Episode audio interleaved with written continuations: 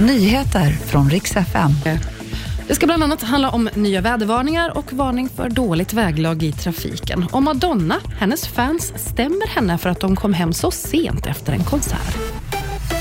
En kvinna har knivhuggits på ett hotell i centrala Göteborg. Det här larmet kom tidigt i morse och polisen har nu gripit en man i 25-årsåldern som är misstänkt för mordförsök. Han ska helt oprovocerat ha attackerat kvinnan som arbetar på hotellet. En sökinsats har sedan pågått hela förmiddagen och strax efter lunch så kunde mannen gripas i en lägenhet i Trollhättan. Det kommer nya vädervarningar och det blir stora omslag i vädret också. Trafikverket uppmanar den som kan att inte vara ute och köra bil ikväll eller i natt. Och det här gäller framförallt södra Sverige, särskilt Blekinge. Men hela södra Sverige har vädervarningar och vindar och snöfall är det som gäller. Bra att ha beredskap också på att bussar, tåg och flyg kan påverkas.